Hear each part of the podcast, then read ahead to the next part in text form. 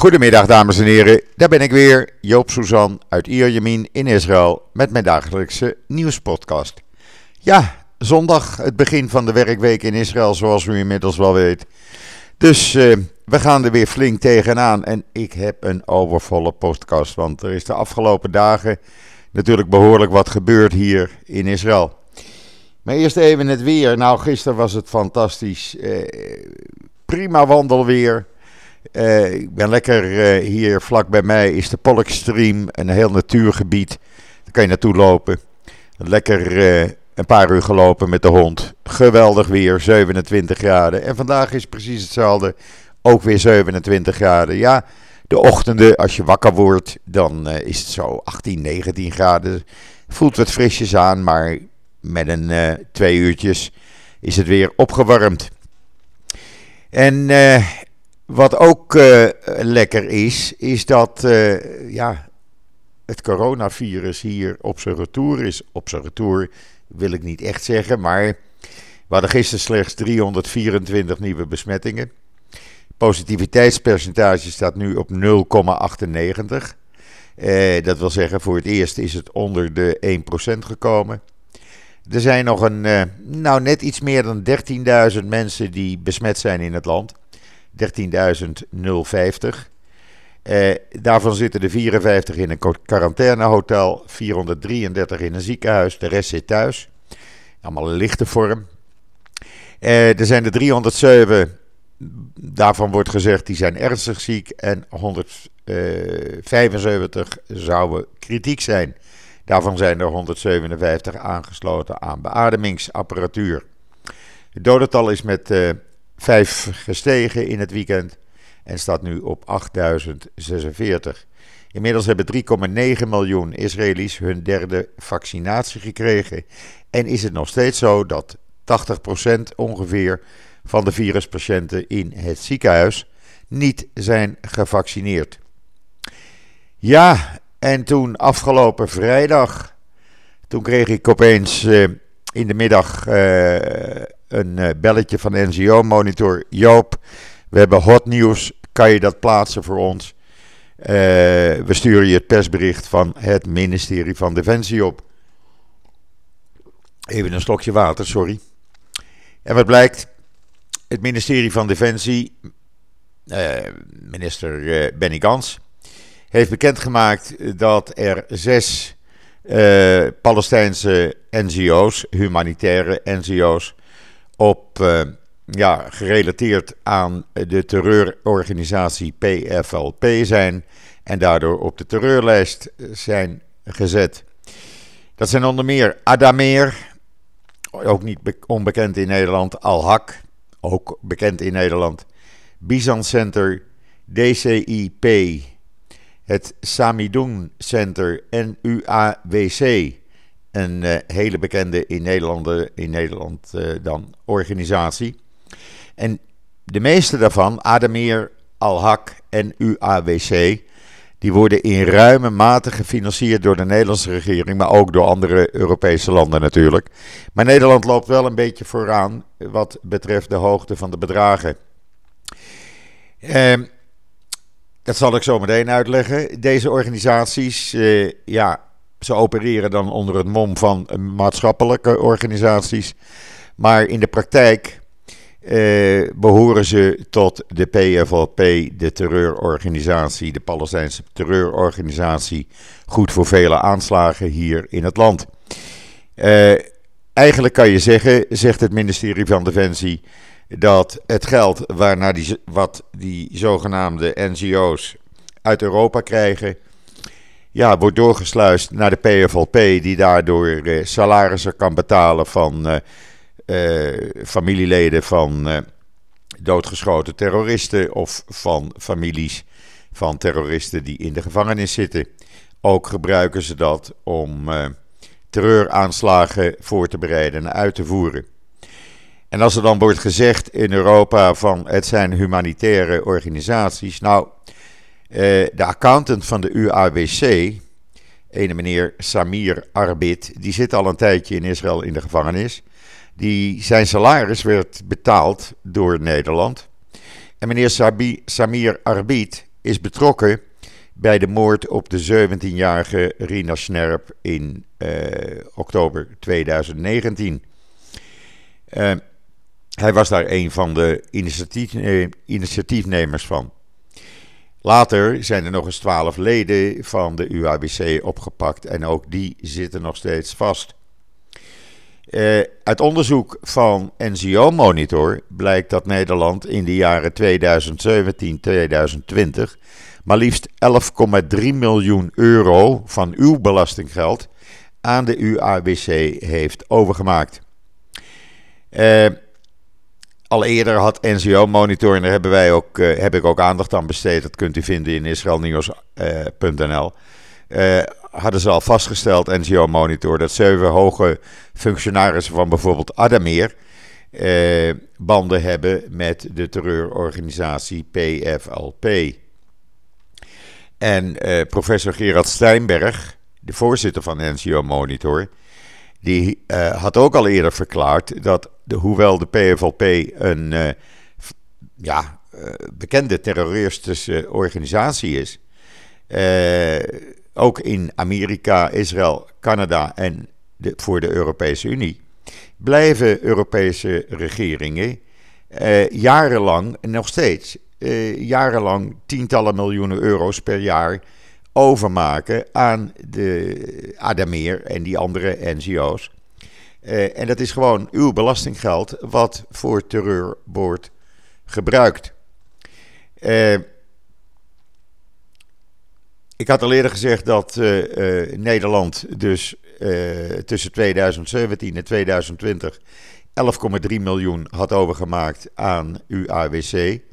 Op een gegeven ogenblik, eerder dit jaar, heeft mevrouw Kaag, die toen minister van Buitenlandse Zaken was, eh, betalingen stopgezet na het oppakken van meneer Arbier. Maar uh, nadat uh, Israël uh, ook informatie aan de EU en Nederland had gezonden. Maar toen is Nederland een eigen onderzoek gaan doen en toen heeft mevrouw Kaag een brief gestuurd aan de Tweede Kamer en gezegd van, nou, uh, wij kunnen daar geen bewijs voor vinden. Uh, en we blijven projecten financieren. We gaan dat anders doen. We gaan het via andere NGO's overmaken, zodat de Palestijnen toch hun geld krijgen van ons. En dat gaat nog steeds door. U kunt het lezen in een artikel van 19 mei. Uh, waarin dat werd geschreven. En dat, dat, is een persbericht van NGO Monitor en een bericht uh, van de Tweede Kamer. En zo blijkt maar weer, Nederland gaat gewoon door en betaalt dus eigenlijk van uw belastinggeld terreuraanslagen in Israël. En dan kan iedereen wel zeggen van ja, maar het zijn toch goede uh, eh, NGO's en ze doen helemaal geen kwaad, ze doen zoveel goeds. Nee, uiteindelijk gaat dat geld gewoon naar terreur. Uh, het wordt betaald, keurig betaald aan die humanitaire NGO's en het gaat naar terreur. En dan kunnen de Palestijnse leiders wel uh, van alles en nog wat roepen, wat ze dan ook gisteren gedaan hebben.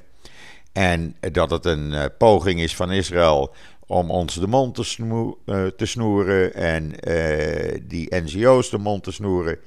Nou, kom maar op met bewijs dat het dan niet zo is. Uh, meneer Biden was ook een beetje boos, want hij zegt we zijn helemaal niet geïnformeerd door Israël hierover. Nou, uit bewijs van het ministerie van Defensie bleek dat een paar dagen geleden voor het bekendmaken van dit nieuws afgelopen vrijdag zij eerder deze afgelopen week informatie hebben gekregen van het ministerie van Defensie in Israël. Maar ze hebben daar gewoon niks mee gedaan. Dus niet zo zeuren, zeg ik dan. Uh, ja, het zal nog wel een staartje krijgen. Ik heb nog geen berichten gezien uit de uh, Nederlandse politiek, hoe ze hierop reageren. ja, meneer Rutte en co. zal hier toch op moeten reageren, want ja, hoe ga je aan je belastingbetaler verklaren van oeps, we hebben een foutje gemaakt. Het blijkt nu dat uw belastinggeld voor terreur wordt gebruikt. ik ben benieuwd waar meneer Rutte mee komt. Maar ik heb nog niks gehoord van hem. En dan was er gisteren, ja, werd er bekendgemaakt dat in de nacht van vrijdag op zaterdag de IDF een aantal verdachten zag die bezig waren met het smokkelen van tassen uit Libanon uh, richting Israël, het gebied rond Metula in het noorden. Uh, ze hebben daar uh, een drone op afgestuurd en konden deze mensen pakken. Er werden twee pistolen, er werd munitie en er werden twee, 21 zakken met 9 kilo drugs ter waarde van ongeveer 94.000 euro in beslag genomen. De IDF denkt dat dit te maken heeft met Hezbollah, want Hezbollah financiert veel van haar activiteiten door het exporteren van drugs die ze in uh, Libanon verbouwen. En uh, het onderzoek daarna is gaande. Ja, en dan binnenkort, als het aan een Israëlisch bedrijf ligt, het bedrijf R, uh, vliegt u over de file heen. Kijk maar even naar het filmpje en de foto's op israelnieuws.nl. En staat u niet meer in de file, maar vliegt u er gewoon overheen met uw vliegende auto. Heel leuk, ik vind het leuk. Uh, het uh, kan 177 kilometer ver. Het kan tot 410 kilometer per uur. En je kan een uur lang in de lucht blijven. Nou, uh, de vleugels kunnen ingeklapt worden. Dan kan je makkelijk parkeren. Ja, het, ik denk de oplossing van de files. Maar kijk het zelf maar eventjes. Prijsinformatie is volgende week bekend. En dan weet u ook hoe duur het kost. sorry, volgend jaar. Begin volgend jaar. Ik vergis me. En dan weet u wat het kost. en dan kunt u beslissen of u er eentje gaat bestellen via de website. En vliegt u over de files heen. En dan leuk nieuws voor iedereen die van gamen houdt. Tussen 14 en 20 november is het e-sports uh, wereldkampioenschap gamen in Eilat. 500 uh, gamers uit 85 landen die gaan tegen elkaar strijden. En dat wordt weer een heel gamefestijn. En dan vandaag is de jaarlijkse Alain A-L-Y-N fondsenwerving fietstocht begonnen. Duurt vier dagen, gaat door de Negev.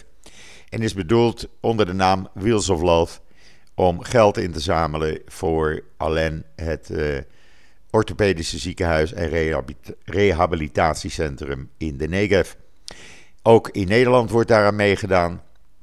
Uh, u kunt het allemaal lezen op israelnieuws.nl. De bedoeling is zoveel mogelijk geld in, uh, in te zamelen. En wilt u niet fietsen, maar wel geld beschikbaar stellen? Klik op de link onder het artikel. Elke euro is meer dan welkom.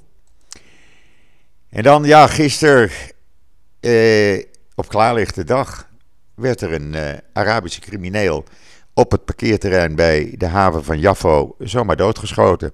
Hij sprong de zee in en werd er dood uitgehaald. Uh, de daders ontsnapten en het heeft te maken met een uh, onderwereldfete in Jaffa. En men schiet dus gewoon op klaarlichte dag, waar duizenden dagjes mensen liepen, gewoon eentje dood. En uh, ja, de moorden in die Arabische sector, het blijft maar doorgaan. Er zijn er nu 104 doodgeschoten dit jaar en het houdt niet op. En de politie staat eigenlijk machteloos op dit moment. Hoe raar het ook klinkt, maar ze kunnen er geen grip op krijgen. En bijna elke dag, de laatste weken, is er wel een, uh, een moord in de Arabische sector. En dan Engeland heeft een besluit genomen waar Nederland uh, een voorbeeld aan kan nemen.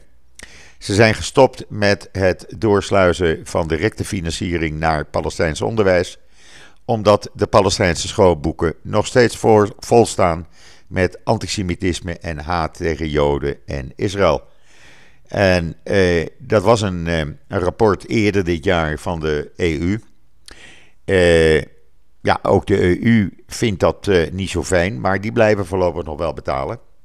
Maar Engeland zit niet meer in de EU en die heeft gezegd: eh, luister, we hebben de afgelopen vijf jaar 137 miljoen eh, dollar uitgegeven. We stoppen ermee. jullie bekijken het maar. Je moet maar eerst zorgen dat er andere leerboeken in uh, jullie scholen komen. En dan uh, binnenkort gaan de grenzen open, dat weet u inmiddels. En als u gevaccineerd bent, kunt u weer lekker naar Israël toe. Nou, we hebben een nieuwe attractie erbij. Ja, ik wist het ook niet. Maar het staat in Jeruzalem Post vanmorgen. Uri Geller, u weet wel, van het lepeltje en de vork. Die heeft zijn eigen museum in Jaffa geopend. Het Uri Geller Museum. En alles wat hij daar eh, meegemaakt heeft in zijn leven, dat staat daar. Eh, af en toe geeft hij ook nog een, eh, een tour, een rondleiding met een klein showtje. Eh, de posters, nou ja, je kan het gek niet indenken. Alles wat met Uri Geller te maken heeft, is in het Uri Geller Museum in Jaffa. Het is in de oude stad niet te missen.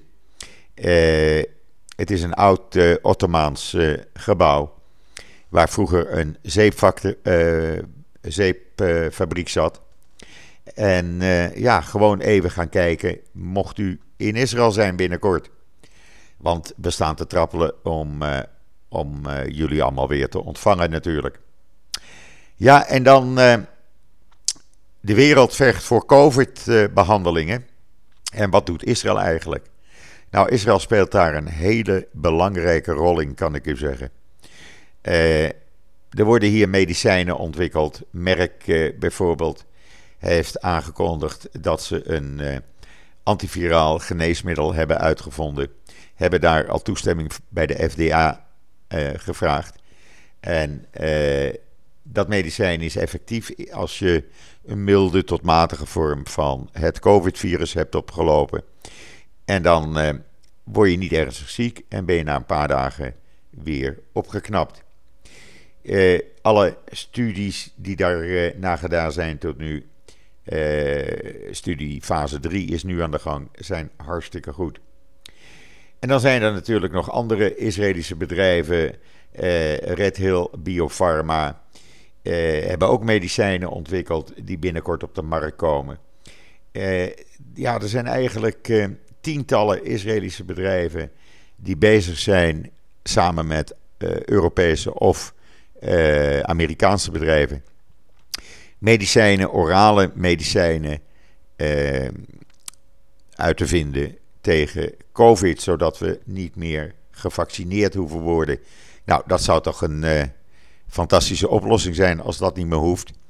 En dan zijn we ook van die vaccinaties af binnenkort natuurlijk. Hier in Israël, ik zei het al, 3,9 miljoen zijn nu gevaccineerd met die boostershot. het blijkt dat, ja, ik zie dat bij mij nog steeds gebeuren. de rijen staan er nog voor mensen die gevaccineerd worden. En voor de derde keer. En ja, men merkt toch dat er wat meer animo is. En ik vind dat een goede zaak. Je kan hier gewoon eh, naar binnen lopen nu zonder afspraak. En dan wacht je even 15 minuten buiten. En daaraan zie ik dat het zo druk is bij het vaccinatiecentrum. Trouwens ook bij het testcentrum, want ik had het van de week al eerder gezegd. Eh, ook in de podcast die ik met Esther Voet maakte afgelopen donderdag. Als u eh, die niet geluisterd hebt, ga hem even luisteren, want hij is zo leuk, Esther en ik aan de keukentafel. Maar uh, ja, uh, het testen, ja, gewoon 100.000 mensen gemiddeld per dag worden hier getest. En dat gaat zo makkelijk. Je rijdt met je auto een teststraat binnen. Je wordt getest, je wacht 15 minuten op de parkeerplek. En je hebt je testpapiertje of je app in je telefoon. En je kan naar een restaurant, bioscoop, evenement of wat dan ook. Zo makkelijk gaat dat. Dus uitsluiten is er niet bij. Uh, je kan overal naartoe, maar je moet je even laten testen als je niet bent gevaccineerd. Uh, en voor de rest, ja, Bennett was natuurlijk bij Poetin. Nou, dat gesprek liep even uit. In plaats van twee uur werd dat vijf uur, waardoor Bennett in Rusland moest blijven, in Sochi. Heeft hij ook gedaan. Gabat heeft voor alles gezorgd in Sochi. Uh, hij kreeg kosher eten, ze hebben Shabbat gevierd. En het mooie was, voordat uh, Bennett op het vliegtuig stapte, belde Poetin hem nog. En die zei tegen hem: Ja, echt waar, uh, het is echt zo gegaan. Die zei tegen Bennett: Man, ik vond het hartstikke leuk. We hebben een goed gesprek gehad. Ik kan het met jou door de bocht. Ik nodig je uit om met je vrouw binnenkort naar Sint-Petersburg te komen. Kom ik ook met je mee. En dan gaan we daar weer verder praten. Ze hebben gecoördineerd over de Israëlische aanvallen op Syrië. Ze hebben uh, allerlei andere situaties hier besproken over uh, uh, het Midden-Oosten. Rusland kan het uitstekend vinden, of Poetin kan het uitstekend vinden met Bennett. Dat is belangrijk, omdat Netanyahu altijd had gezegd dat hij de enige is waar Poetin goede maatjes mee is. Maar ja, als je vijf uur met elkaar praat en Poetin ook nog Bennett had meegesleept naar zijn privé vertrekken. Nou, dat vind ik nog wel een dingetje. Betekent dat het goed zit en dat we met de Russen door één deur kunnen. Dat gezegd hebbende brengt mij tot het einde van deze podcast.